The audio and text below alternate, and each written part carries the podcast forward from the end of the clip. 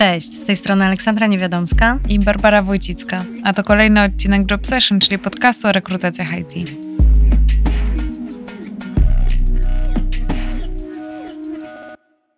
Cześć Bartku, cześć Olu. Cześć. Cześć. To jak wiecie, spotkaliśmy się dzisiaj, żeby porozmawiać o temacie e, wdrożeń bardzo dużo powiedzieliśmy o takich zaletach wynikających z tych systemów. Rozumiem też, że z tym pracujesz, więc jesteś adwokatem tych e, rozwiązań. Natomiast ja stanę z drugiej strony jako ten adwokat diabła i chciałam się spytać, gdzie te systemy się nie sprawdzą, albo mm, jakich y, obszarów nie powinniśmy na przykład Twoim zdaniem automatyzować? Nie sprawdzą się na pewno w środowisku, um, w środowisku bardzo zmiennym, bo, bo jednak to by oznaczało, że ciągle trzeba coś przybudowywać w systemie. To znaczy, duża ilość automatyzacji najpierw musi zostać e, dostosowana do potrzeb, wprowadzona do systemu e, w różny sposób, łatwiej, trudniej, w zależności od systemu. Czasem potrzebny jest programista, czasem wystarczy różne rzeczy odklikać, pozaznaczać i, i to działa. E, jeżeli będziemy często to zmieniać, to automatycznie e, albo potrzebujemy dedykowaną osobę do zarządzania tym, administratora systemu, mm, albo nie wiem, połowa etatu, na przykład jednego z rekruterów, który ma większą smykałkę do systemu, powinien być e, do tego zaopiekowany, czy do tego przeznaczony. Mhm. Więc to jest jedna rzecz. Czego nie automatyzować? Nie sądzę na razie, aby były możliwe rekrutacje bez udziału człowieka, to znaczy bez y, rozmowy minimum telefonicznej na którymś etapie, y, na którymś etapie rekrutacji. E, oczywiście mówiąc tutaj o rekrutacjach bardziej IT, bo wyobrażam sobie, że, że bywają role y, na rynku, na rynku pracy, które, na które po prostu jest tak duża potrzeba albo tak niski próg wejścia do, do, do danej profesji, do, do danego zawodu, że, e, że nie ma potrzeby takiej selekcji. Wystarczy tylko się pojawić w, w, w danym terminie e, i się rozpoczyna pracę, podpisuje umowę i już. I żadna rozmowa pomiędzy nie jest potrzebna, czy też weryfikacja. E, też przypominam, tak, że w Polsce na przykład nie ma potrzeby weryfikacji karalności większości firm jako obowiązku, więc de facto ten próg wejścia mm, nie jest bardzo wysoki do, do, do rozpoczęcia pracy. E, a jednocześnie podpisanie umowy i, i, i, tak następuje często tuż przed albo w dniu rozpoczęcia pracy, więc, więc tak, więc wystarczy, wystarczy się pojawić. A czy jest jakaś taka umowna, minimalna liczba osób, która powinna być w organizacji, żeby już y, takie rozwiązania wdrożyć? Bo wyobrażam sobie, że na przykład przy dwu, trzyosobowej organizacji jakby to niekoniecznie musi mieć sens, bo te osoby są w stanie się ze sobą dosyć szybko porozumieć, organizując sobie taki proces rekrutacyjny. Natomiast przy ilu osobach jakby już to zaczyna mieć sens? Czy, czy nie da się tego jakby w jednoznaczny sposób stwierdzić? Myślę, że, y, że to zależy od potrzeb. I, I, to jest najważniejsze. Od tego, co chcemy automatyzować. Bo tak jak wspomniałem, sam początek y, mojego wdrożenia pierwszego systemu do zarządzania rekrutacją to były zmiany prawne i to była główna motywacja. Z drugiej strony, przy zespole dwuosobowym, pracującym asynchronicznie, oczywiście można się ze sobą komunikować. Natomiast y, trzeba pamiętać, że na przykład są wtyczki do LinkedIna w, w takich y, platformach. Y, one są y, dostosowane do tego, żeby robiąc y, long listę kandydatów, taki sourcing, y, nie robić copy-paste imienia, nazwiska i, i często numeru telefonu, czy też w ogóle informacji, które na danym profilu LinkedIna się, są, tak? są, są, są załadowane przy danych ustawieniach prywatności oczywiście.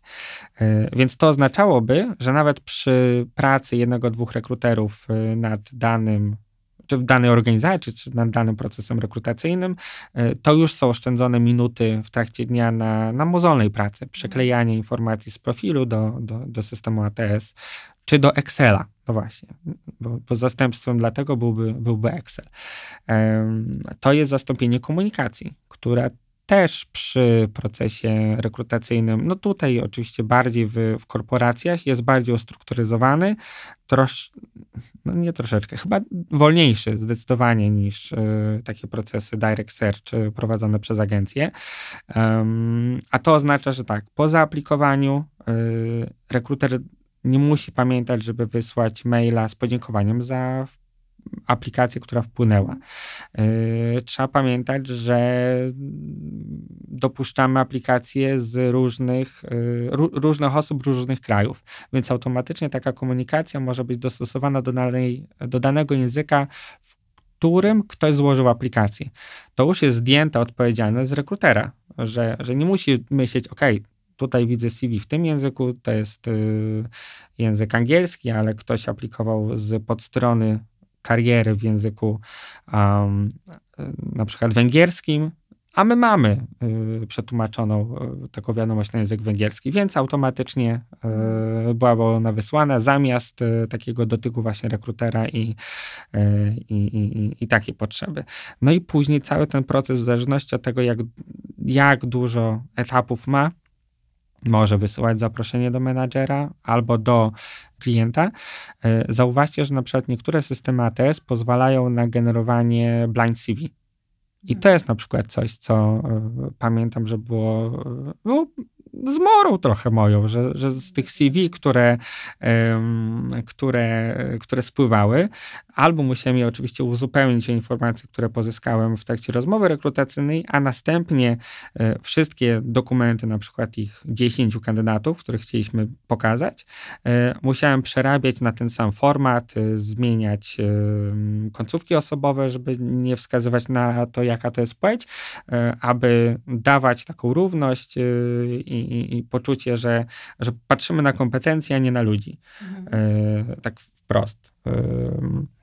Czyli też pewnego e, rodzaju forma działania przeciw dyskryminacji. Oczywiście, bo, że tak. Bo, tak, to, tak. bo to e, wspiera, ale właśnie e, jak odpowiadałeś, to tak uznałam, że to nie jest ważne, ile osób ma organizacja, tylko ilu ma kandydatów, bo to jednak system zarządza ich aplikacjami i przy sporych rekrutacjach, nawet w kilkuosobowej agencji, tych kandydatów robi nam się bardzo dużo. I ja sobie wyobrażam, że chciałabym te części pracy, te powtarzalne, te mozolne, robienie blind CV chociażby, które e, wspominasz, e, czy właśnie unifikowanie według szaty graficznej, e, to, to, to na pewno mm, duża wartość dodana, bo te systemy też e, mogą nas zaopiekować w kontekście tych feedbacków, o których mówiłeś, ale też ocen e, pracowniczych, zbierania e, feedbacku już od pracowników, więc one są bardzo, bardzo obszerne, więc jeżeli ja bym chciała wdrożyć taki system, to skąd mam znaleźć takiego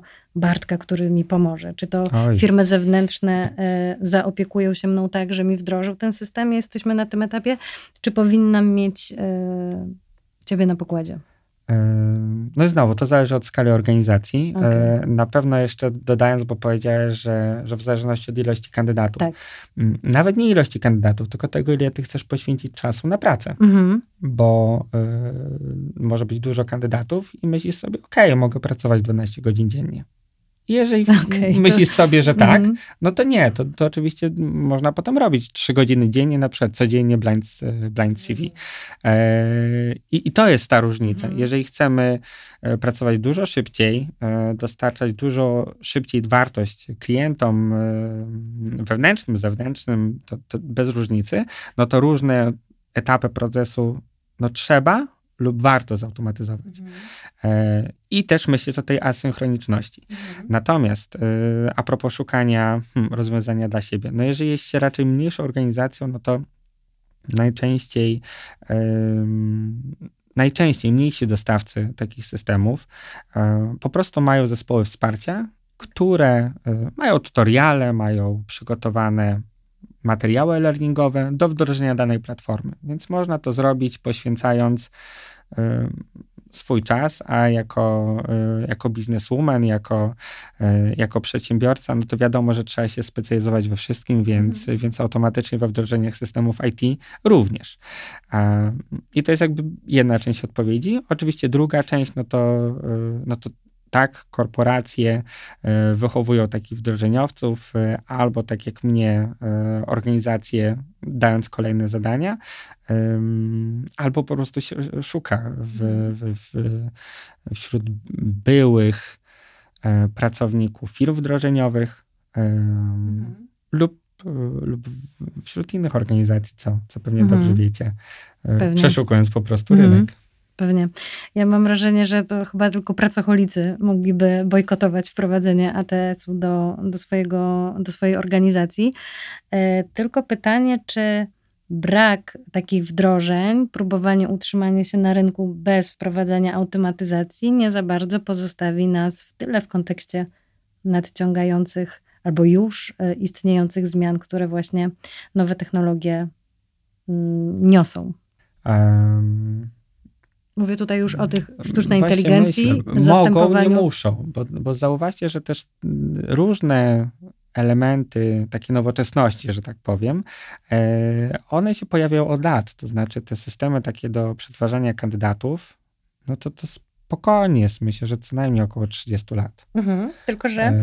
one są coraz bardziej zaawansowane i one są. coraz więcej y, zajmują y, tych obszarów i wyobrażam sobie, że jeżeli do mnie zgłosi się klient, y, że chce otrzymać na przykład 5 blind CV kandydata, mm, na dane stanowisko. Ja wykorzystując ATS albo jakiś system też wspierany sztuczną inteligencją, mm, wpiszę, że potrzebuję i to się mi stworzy, wyszuka, stworzy i w ciągu kilku, kilkunastu minut mogę mieć gotowego maila, a jeżeli nie mam tego systemu, to siadam do bazy, skroluję, przeklejam e, i e, klient ma to na przykład e, dopiero na następny dzień, a jeżeli ma mniej czasu, to za dwa dni, więc ja już trochę jestem w tyle. Więc ta optymalizacja czasowa przy tych nowych technologiach chyba może dać fory, mówiąc kolokwialnie. Może, natomiast tutaj też trzeba zaznaczyć, że większe organizacje e, nie będą co chwilę zmieniały systemów. Mniejsze prędzej.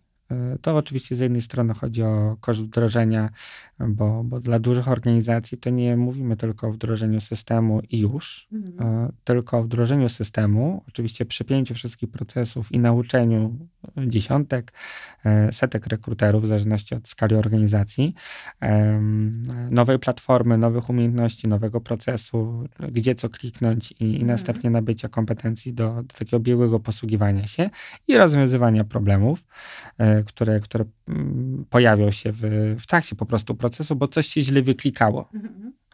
Um, a z drugiej strony te systemy muszą rozmawiać z innymi systemami w organizacji. Więc tutaj mówimy o wdrożeniach i o tym, że z reguły e, takie rodziny systemów, no to mówimy o wdrożeniu modułu wynagrodzeń, czyli moduł wynagrodzeń i, zarządzania stanowiskami e, jest połączone z modułem rekrutacji, więc rekruter wchodzi w strukturę organizacyjną, klika, że tutaj jest wolny wakat, widzi za kogo jest zastępstwo, widzi jakie jest dany poziom stanowiska, do tego danego poziomu jest przypisane dane widełki wynagrodzenia i on rusza z rekrutacją. On nie musi pytać menadżera, nie musi pytać mhm. zespołu i, i rusza z rekrutacją, więc um, to nie jest tak, że w momencie yy, o, nowy, no, no, nowa gałąź na rynku yy, się pojawiła, no to wymieniamy system ATS. No to musimy wymienić całe środowisko, które mamy, związane z zarządzaniem zasobami ludzkimi, takim people managementem, yy, czy, czy, czy, czy, czy właśnie takim w zależności od podejścia, zarządzaniem, zarządzaniem stanowiskami. Więc mam też na myśli to, kończąc, konkludując, że mniejsze organizacje mają dużo większą możliwość sprawdzania, testowania yy, i taką zwinność do adaptowania nowych rozwiązań na swoje potrzeby, bo z jednej strony są na tyle duże, żeby już myśleć i widzieć wartość w wydanych yy, setkach tysiąca złotych rocznie na, na, dany, na dany system, a z drugiej strony nie mają tak rozbudowanej struktury, która by powodowała, że na jakoś się, że, że, w pierwszym roku to się nie opłaca, w drugim y, też nie, ale w perspektywie pięciu widzimy wartość takiej zmiany. Bo to też mówimy o dedykowanych pracownikach, czyli one, oni wykonują nie tą pracę, do której zostali wprost często zatrudnieni, o dodatkowym wsparciu konsultantów, o dodatkowym wsparciu ewentualnie pracowników zatrudnionych na przykład na okres wdrożenia, więc to są koszta mhm. ogromne i zasoby też takie intelektualne pracowników, no i też ważne, żeby nie, nie zamęczyć tych naszych mhm. pracowników, mhm. bo ogólnie wszelkie wdrożenia są dla wszystkich bardzo męczące, a tym bardziej mhm. są męczące dla zespołów, y, no w moim przypadku rekrutacyjnych, dla zespołów employee brandingu, bo jednocześnie bywa tak, że jednocześnie muszą pracować na dwóch systemach, to mhm. znaczy testować nowy, a jeszcze używają starego. Jeżeli jest bardzo duża roz, różnica pomiędzy systemami, no to mówimy o, o takim zmęczeniu i procesie uczenia się, o zaglądaniu do, tuteri, do tutoriali, do oglądania wideo, jednocześnie instrukcji, przechodzenia przechodzenia z systemu przy, za mhm. pomocą instrukcji. E, więc rekrutacja, która normalnie zajmuje w starym systemie kilka minut, w nowym na samym początku zajmuje dużo więcej. Mhm. No i wtedy jest takie, kurczę, po co nam to było? Mhm. W ogóle po co nam to było? Okay. Że, i, I nagle y, nie źle nawet, tylko y, czasem nie w odpowiednim momencie albo y, nie do końca takie y, wyczucie na co dany zespół ma zasoby, powoduje, e, powoduje że, że przeciwników takiego wdrożenia sobie, sobie tworzymy. No i mhm. oczywiście frustrację, która potem może się przerodzić w e, może nie masowe, ale na pewno zmniejszenie takiej satysfakcji z pracy i zwolnienia. Mhm. No według Gartnera 45% liderów sygnalizuje, że pracownicy są przemęczeni. Bez zmianami. wdrożeń. Ale jak zaczniemy wdrożenie? No właśnie, dlatego y, no, bardzo dużo aspektów trzeba wziąć pod uwagę i bardzo dużo rzeczy wyważyć, bo jednak ten wyścig technologii trwa. Y, I tego, żeby nadążyć za tymi zmianami i wprowadzać jak najlepsze y, praktyki, a z drugiej strony trzeba cały czas pamiętać o człowieku. Tak.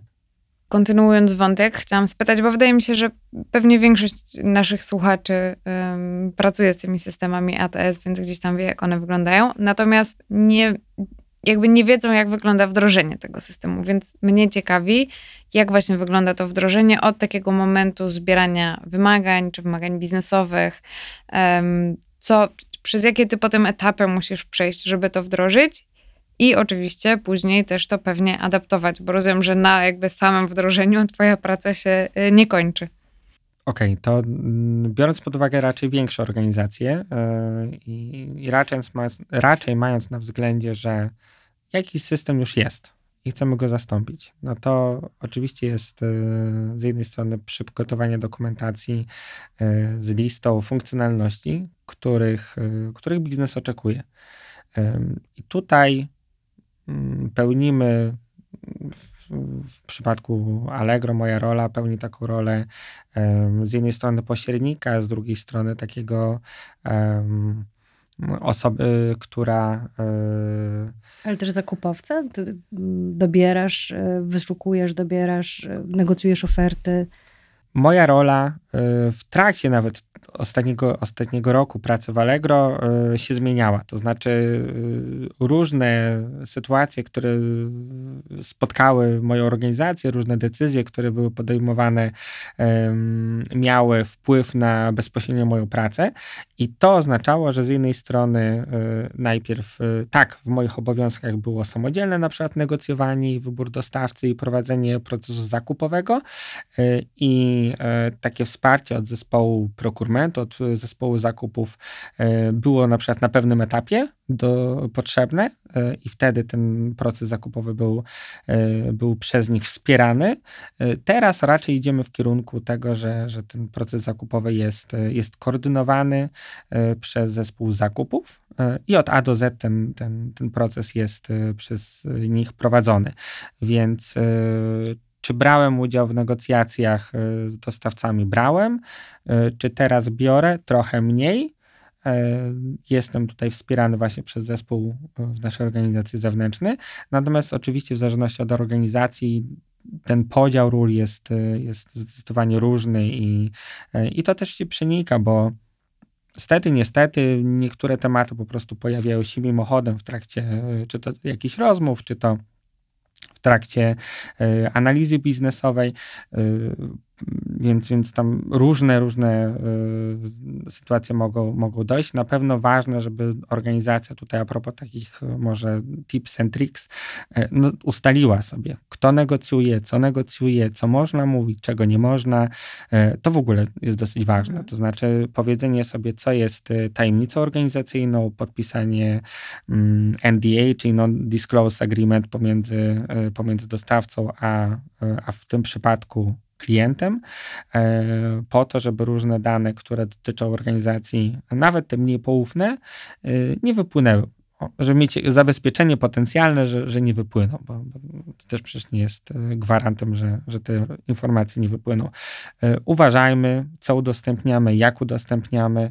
No już na pewno nie udostępniajmy danych osobowych kandydatów jako na przykład paczek danych do wgrania. Jeżeli mm, tak na próbę, no, no nie, no, to, to, to oczywiście nie może się zdarzyć E, i, i, i przestrzegam przed takimi działaniami.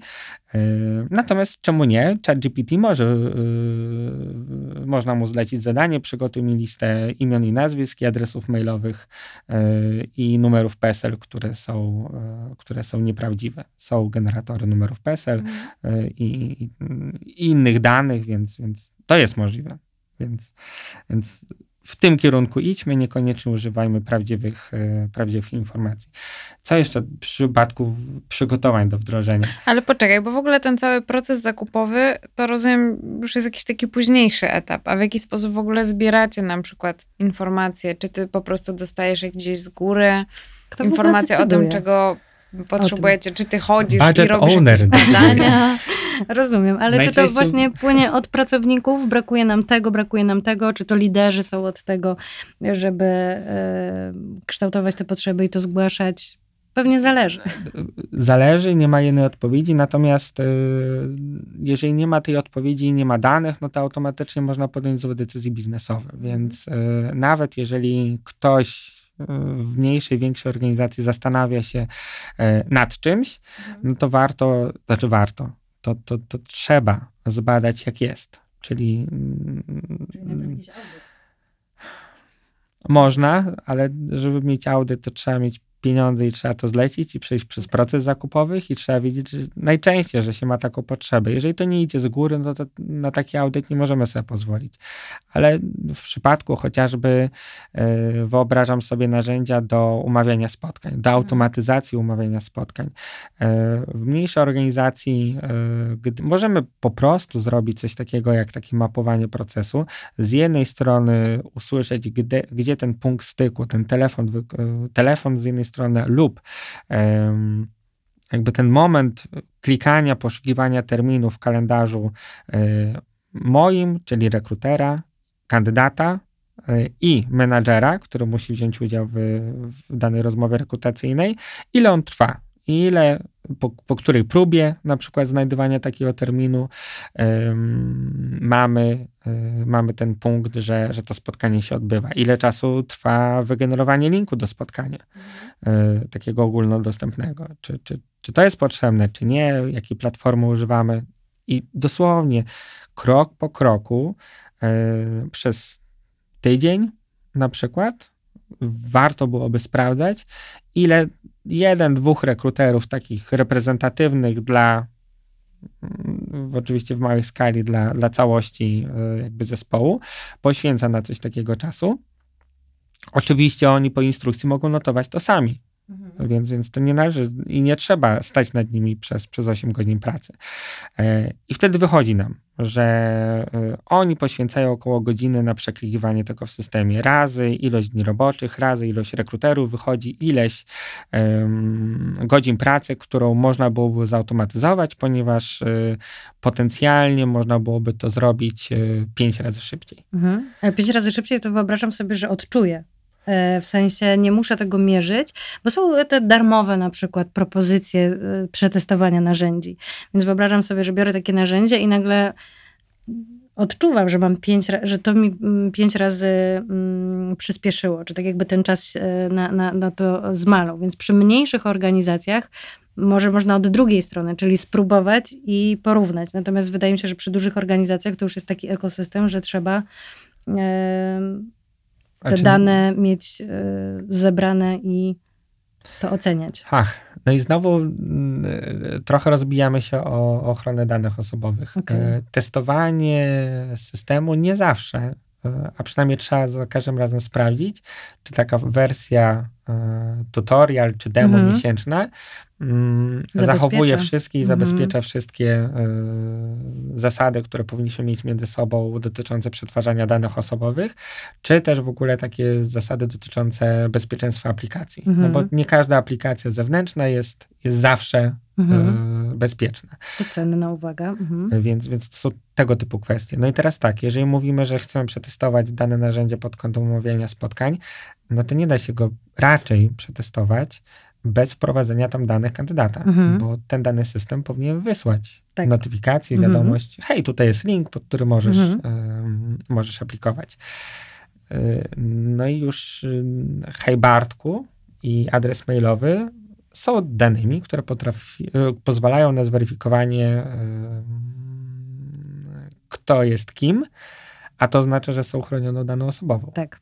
No Mhm. i tutaj napotykamy na, na wyzwania natury Mhm. prawnej, więc Jasne. Znaczy ja to poruszyłam, bo ja jestem na przykład bardzo e, gdzieś bombardowana, e, Mhm. nawet w formie mailingu, takimi propozycjami testowania różnych e, narzędzi. No, zdaję sobie sprawę, że, że też, znaczy mam nadzieję, że firmy się zabezpieczają swoich użytkowników na, na ten czas testów, ale to bardzo cenne, o czym mówisz, żeby rzeczywiście zwrócić na to uwagę, bo na koniec dnia my będziemy odpowiadać za nienależyte, tak jakby. Tak, no bo bardzo hipotetycznie jest tak, że y, ta dana informacja, ten dany adres mailowy został y, przez daną agencję czy danego rekrutera przekazany do y, instytucji trzeciej. Tak. I jeżeli ta instytucja trzecia, no, nie chcemy oczywiście, natomiast stanie się tak, że zostanie zhakowana lub, y, lub, mm, lub z jakichś powodów ten adres mailowy wypłynie, no to będzie takie pytanie, a jak ten adres mailowy znalazł się w Mhm. bazie Y? mhm. No, bo go podał X rekruter do naszego systemu w trakcie Mhm. demo. Ale to też To dotyczy... jest hipotetyczna sytuacja, Mhm. ale no to jest takie zagrożenie, które trzeba oszacować, czy jest na ile realne, chociażby sprawdzić, czy dane te z- z demo zostaną skasowane i usunięte z Mhm. serwerów organizacji po okresie demo. Okej. Czyli jeżeli ktoś y, teraz nas słucha i chciałby wypróbować, albo też y, ma, ma takie okazje, to niech to na pewno sprawdzi. y, Tak. Przed, przed, bo tego jest I rzeczywiście dużo na rynku. Dobrze. A już nie mówiąc o systemach, które przetwarzają wynagrodzenie kandydatów, Mhm. dane osobowe. Yy, może być tak, że system ATS wspiera onboarding i tam będzie się pojawiał numer PESEL, czy też inne numery dotyczące członków rodziny, Mhm. pełnego imienia, nazwiska, yy, nazwiska matki, nazwiska ojca. No i już nagle docierają do nas, yy, jako do, do organizacji przetwarzających dane, dane, które nie powinny trafić w niepołowane ręce, Mhm. a to oznacza, że, że trzeba uważać. Mhm. Ale to sobie wyobrażam, że to jednak system ATS musi być tak dobrze skonstruowany i zabezpieczony, żebyśmy mogli się czuć komfortowo z niego korzystając. Nie mówię o tej darmowej wersji, ale y, o Tak. docelowym, więc y, to, to, to, to warto też sprawdzać, wybierając system, ale mm, zakładam, że jest to dobrze dopracowane. Dobra, czyli mm, wracając, zbadaliśmy, jakie mamy potrzeby, co chcemy przyspieszyć, zautomatyzować. Obliczyliśmy pewnie jakieś koszty z tym związane, czy to nam się opłaca i tak dalej. Wynegocjowaliśmy, kupiliśmy, dostajemy produkt i co dalej? Jeszcze dobrze byłoby, gdyby w trakcie tego wdrożenia oczywiście został on dostosowany w miarę do, do tego, jak, e, jak ma dana organizacja go wykorzystywać, żeby tam wszystkie informacje, które potrzebujecie, zostały załadowane. No i potem, no i potem trzeba dobrze przemyśleć. To znaczy jest opcja i taka szkoła, żeby odciąć system stary i od dzisiaj po prostu używamy nowego. Jest y, opcja bardziej płynnego przyjścia, którego ja jestem bardziej, bardziej y, chyba zwolennikiem, y, czyli oczywiście przejścia z jednego systemu na drugi, to znaczy od danego dnia wszystkie nowe rekrutacje, wszystkie nowe rekordy wprowadzamy do systemu, systemu nowego Najczęściej jest też tak, że następuje migracja danych ze starego systemu do nowego systemu, y, tych oczywiście, które, których przetwarzać dalej możemy i w ten sposób wygląda, wygląda prze, przepinanie jakby procesu, przepinanie kandydatów z systemu do systemu. No i cóż, co potem? Mi się dobrze sprawdza taki czas hypercare, to znaczy miesiąc do trzech miesięcy, w zależności od tego, jak, jak skomplikowany proces był automatyzowany, jak często narzędzie jest wykorzystywane, bo tutaj też mówimy o tworzeniu się nowych nawyków u, u, osób, które mają go wykorzystywać. Więc jeżeli system jest wykorzystywany epizodycznie, to też oznacza, że najprawdopodobniej niekoniecznie mm, był potrzebny, ale to jest ciekawy wątek, do którego zaraz wrócę, mam nadzieję, że nie zapomnę. E, to znaczy, że może nie był potrzebny, więc, więc te nawyki oczywiście nie mają prawa się wykształcić, bo, bo, bo jest rzadko używany. Więc zawsze to jakieś wsparcie instrukcji będzie potrzebne. Ale oczywiście ten korowy użytkownik, dla którego dana platforma została stworzona, e, no potrzebuje minimum miesiąc, żeby dobrze poznać narzędzie. A to jest takie poznanie właśnie learning by doing, czy tak, to są szkolenia? Okay. O, to jest inaczej. To są oczywiście szkolenia, które mhm. są wcześniej, więc y, szkolenia są po to, żeby pokazać, jak wygląda platforma. No i w zależności od oczywiście sposobu y, uczenia danych odbiorców, danych, y, danych pracowników, no jedni uczą się przez oglądanie, drudzy przez czytanie, trzeci przez robienie, inni przez jeszcze inne sposoby, mhm. różne kombinacje tych metod, więc trzeba o tym pamiętać. I mhm. z jednej strony przygotować wideo, z drugiej strony przygotować instrukcje w formie na przykład PDF-u, czy, czy, czy no tak, PDF-u w wersji takiej digital, a trzecim na przykład dać możliwość, lub wszystkim w tym samym czasie dać możliwość skorzystania z środowiska testowego.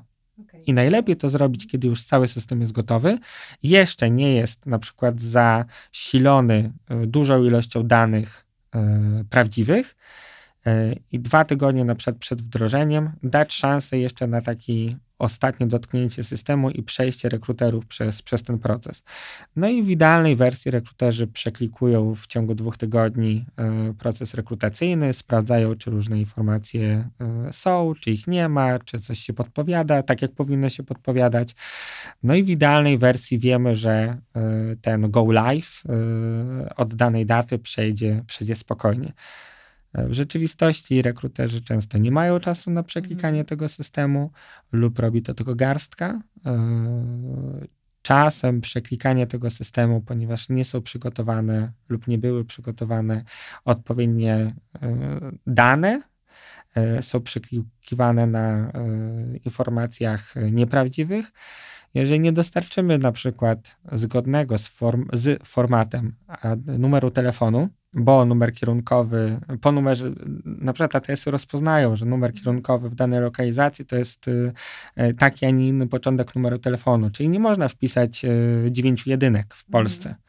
Po prostu system powie, że to jest error, nie ma takiego numeru telefonu. Oczywiście, żeby przeciwdziałać takiemu spamowi i zaatakowaniu systemu ATS przez, przez, przez jakieś boty. A, a więc różne dane w trakcie jeszcze przygotowania do wdrożenia trzeba przygotować rekruterom. E, co, e, do czego miałem wrócić e, o tych użytkownikach? ATS jest wykorzystywany, też w ogóle większość systemów jest wykorzystywanych bardzo na przykład przez zespół compensation, mhm. przez, zespół, przez zespół performance'u, oczywiście ten moduł, który, który jest potrzebny, przez zespół rekrutacji. Natomiast menadżer nie zawsze wykorzystuje ten system, a raczej nawet rzadko wykorzystuje ten system codziennie, bo to nie jest jego główne zadanie pracy. On tam dostaje zadania, które musi odklikać w danym momencie, gdy dana potrzeba zaistnieje. Więc może się zdarzyć, że on wchodzi raz w tygodniu, mhm. a gdy ma mały zespół, e, to na przykład kazanie mu, e, o, przeszkolenie menadżerów w trakcie wdrożenia systemu do robienia takiego wniosku o założenie rekrutacji e, jest fajne, jest dobrym pomysłem, bo oczywiście menadżer, każdy w organizacji będzie mógł mieć odfajkowane, e, umie założyć rekrutację. Natomiast jeżeli naturalna retencja pracowników jest niska, to znaczy, że statystycznie dany menadżer bardzo rzadko będzie miał sytuację, przeciągu najbliższego pół roku lub roku, że będzie rekrutował pracownika. A to oznacza, że musi być łatwo dostępna baza informacji, instrukcja, żeby ten dany menadżer, gdy zaistnieje potrzeba, miał Mhm. możliwość powrotu do, do danej wiedzy Mhm. i, i nie musiał myśleć, o kurczę, Jak rok to temu było Mhm. szkolenie, y, już osoby, które wdrażały ich nie ma. Y, Nie pamiętam, kto prowadził szkolenie, były wysyłane materiały, ale w natłoku setek maili, tysięcy maili w międzyczasie ich już nie wiem, jak znaleźć, bo nie wiem, kto był prowadzącym, nie wiem, kto wysyłał. No tutaj zadają, y, pojawiają się pytania wśród, y, wśród menedżerów, wśród y, osób, które nie korzystają z tego systemu, na które osoba wdrażająca, czy też, czy też zespół odpowiedzialny za dane narzędzie musi sobie odpowiedzieć i, i- i jakoś wyjść naprzeciw. Ale wydaje mi się, że te systemy są też tak tworzone, żeby być mocno intuicyjne dla użytkownika, żeby ten próg wejścia e, też nowych użytkowników, nowych rekruterów, nowych pracowników był dosyć obniżony, e, że to nie jest zaawansowana technologia e, po, stronie interfejsu użytkownika, więc tak jak też mam doświadczenia, to często w ramach jednego zespołu nowe osoby są szkolone z tego, jak pozostałe się zaadaptowały do tego systemu, prawda? Em, Dopóki organizacje w miarę posługują się językiem angielskim, wdrażają systemy w języku angielskim y, i powiedzmy język angielski jest takim głównym językiem, powiedzmy, że jeszcze to jakoś, jakoś Okej. działa. Mhm. Natomiast y, mam doświadczenie z wdrażania systemu, w którym y, różne elementy systemu na język polski zostały przetłumaczone dosyć pokracznie. Okej. Więc o, tym, o tej naturalności, coś, co jest w miarę naturalne dla, Mhm. dla języka angielskiego, już na język polski ta sama fraza została przetłumaczona e, kompletnie inaczej lub różniła się małym niuansem, a to powodowało bardzo duże, duże problemy u samych menedżerów, bo, bo nie wiedzieli pojęcia jak, co mają wpisać w wyszukiwarkę, żeby im Mhm. się pojawiło, a nawet jak widzieli dwie opcje, ponieważ zostało to jakby wyciągnięte, e, to nie odróżniali tych dwóch opcji. Mhm, rozumiem. Czyli na to trzeba też zwracać uwagę. Czyli mamy e, użytkowników przeszkolonych, jest ten okres adaptacji, czy tej, e, nie wiem jak to nazwać, eksploracji tego Tak. systemu, ten pierwszy okres, kiedy zaczyna się praca z tym systemem. Tak, o, y, o tym y, liznąłem, a nie wspomniałem, y, więc na pewno ten okres hypercare. Dobrze mi się sprawdza na przykład ustawianie spotkań slotów dla głównych użytkowników systemu. Dla mnie to oczywiście będą, będzie zespół rekrutacji na przykład.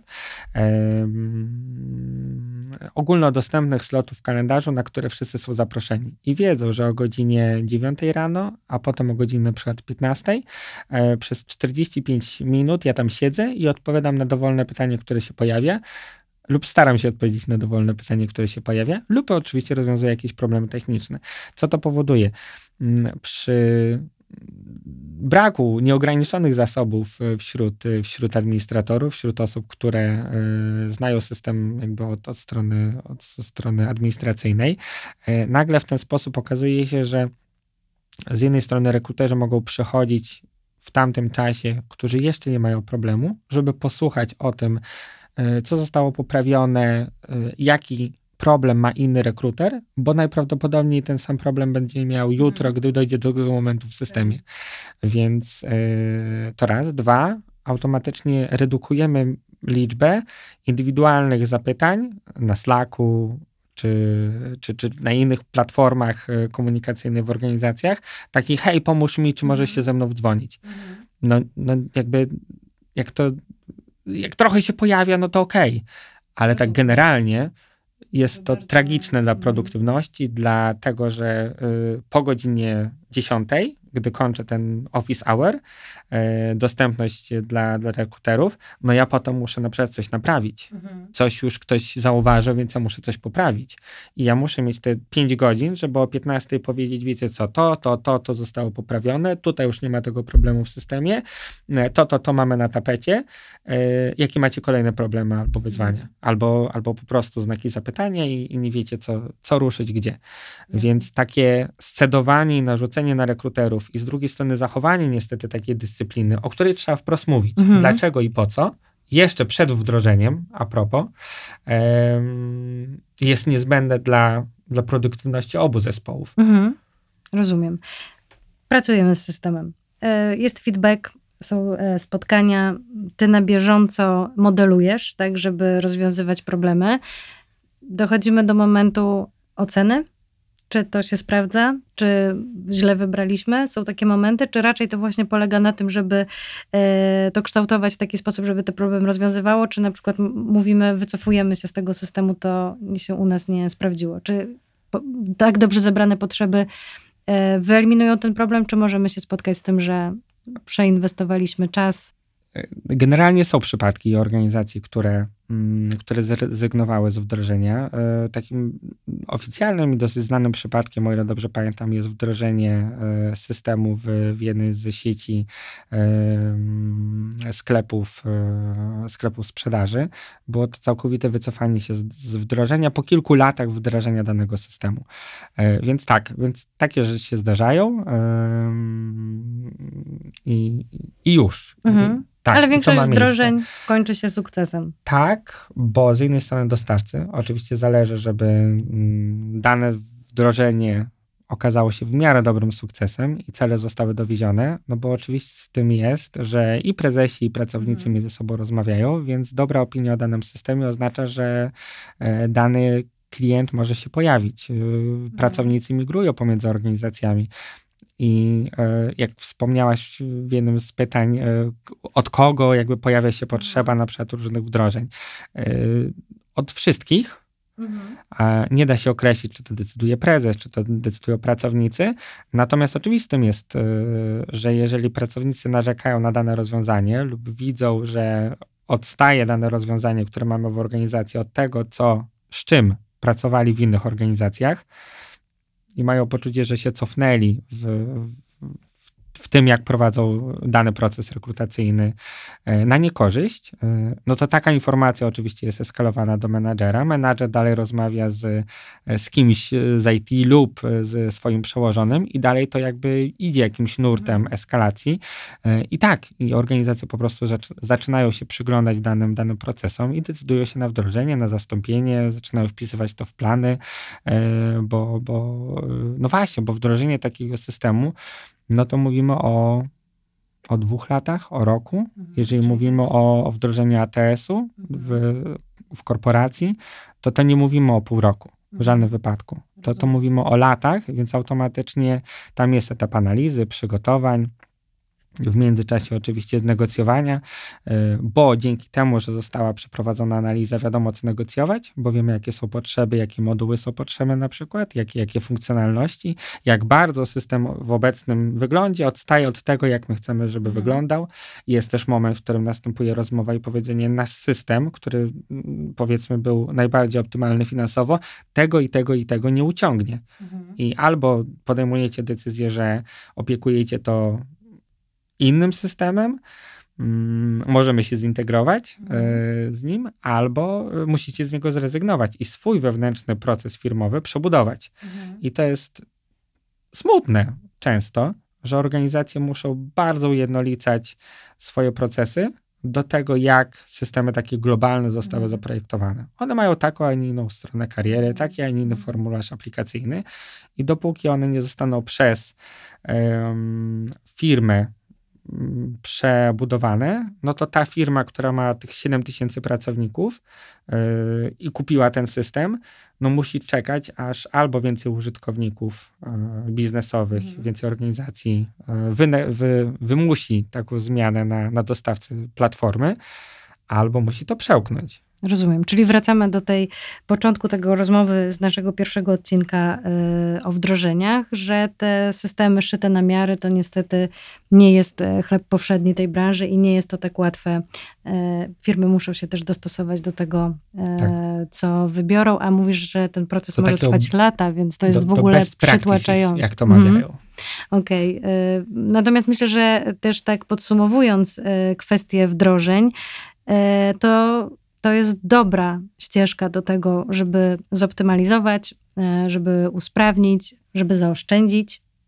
Bo Zdecydowanie. E, zakładam, że wydatki na takie systemy versus to, co oszczędzimy, e, na tyle przeważa korzyść, że warto to rozważyć. Nawet jeżeli ten próg wejścia finansowy jest na pewno jakiś jest, szczególnie dla mniejszych organizacji.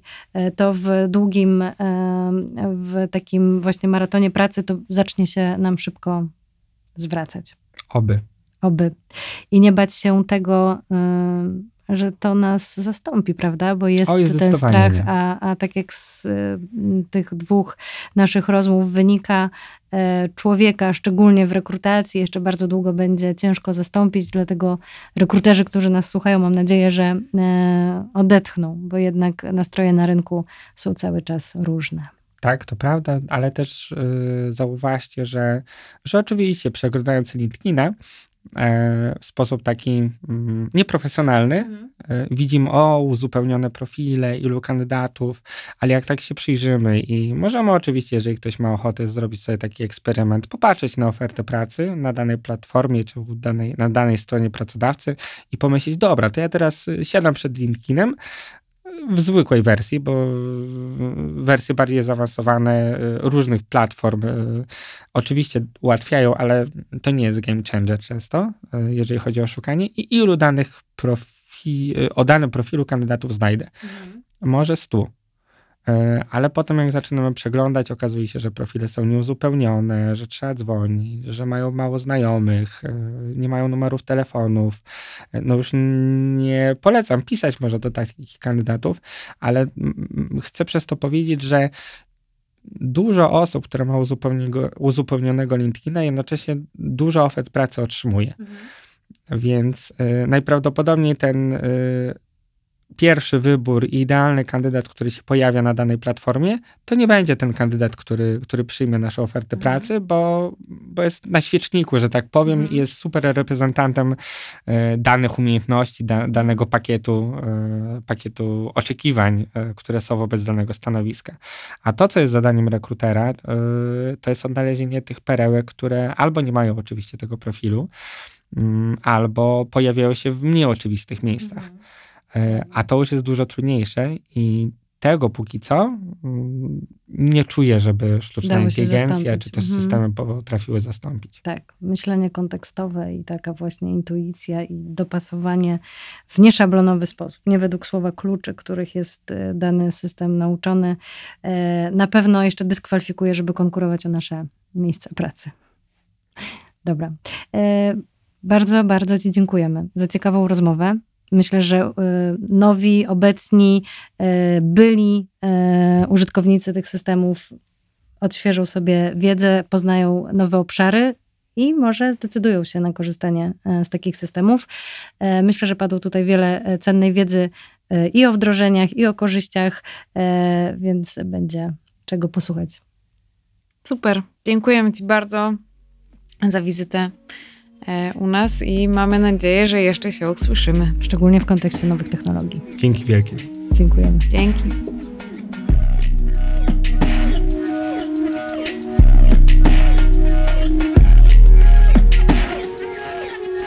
Job session.